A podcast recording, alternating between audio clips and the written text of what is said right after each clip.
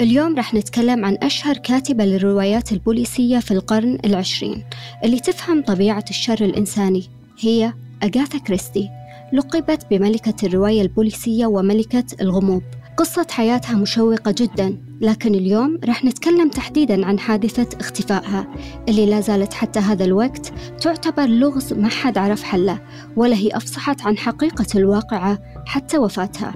وكان الحديث عن هذا الموضوع يزعجها. خلونا نبدأ.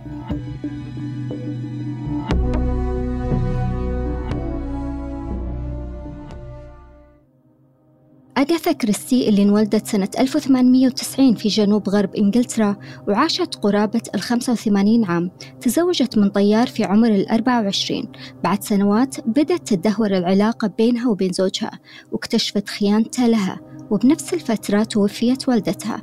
حست إنها انطعنت في كرامتها وردت على خيانته بالاختفاء.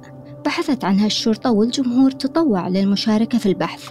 لقوا سيارتها قريب إحدى البحيرات ومن هنا بدت الفرضيات. اللي يقول إنها انتحرت واللي يقول إنها قتلت وأصابع الاتهام تحوم حول زوجها. والبعض قال حادث مروري أو ربما عملية خطف.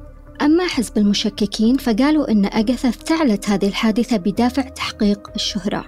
عامل في منتجع شمال المنطقة اللي تقطنها تعرف على شكلها وأبلغ الشرطة حضروا مع زوجها للموقع وفعلا طلعت أغاثا كريستي. لكن تبين إنها ما تعرفت على زوجها ولا تذكرت من تكون ولا أي تفاصيل عن حياتها بس تبين إنها سجلت دخولها للمنتجع باسم عشيقة زوجها. الأطباء قالوا إنها أصيبت بفقدان جزئي للذاكرة بسبب صدمتين عاطفيتين وفاة والدتها وخيانة زوجها.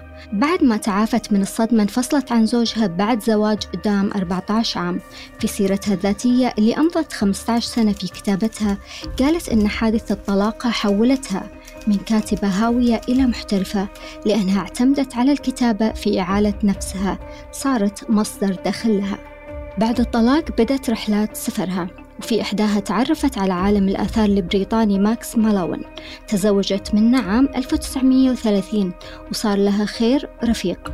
في حياتها وأسفارها الكثيرة للشرق الأوسط تحديدا الأمر اللي انعكس بشكل إيجابي على تجربتها الروائية.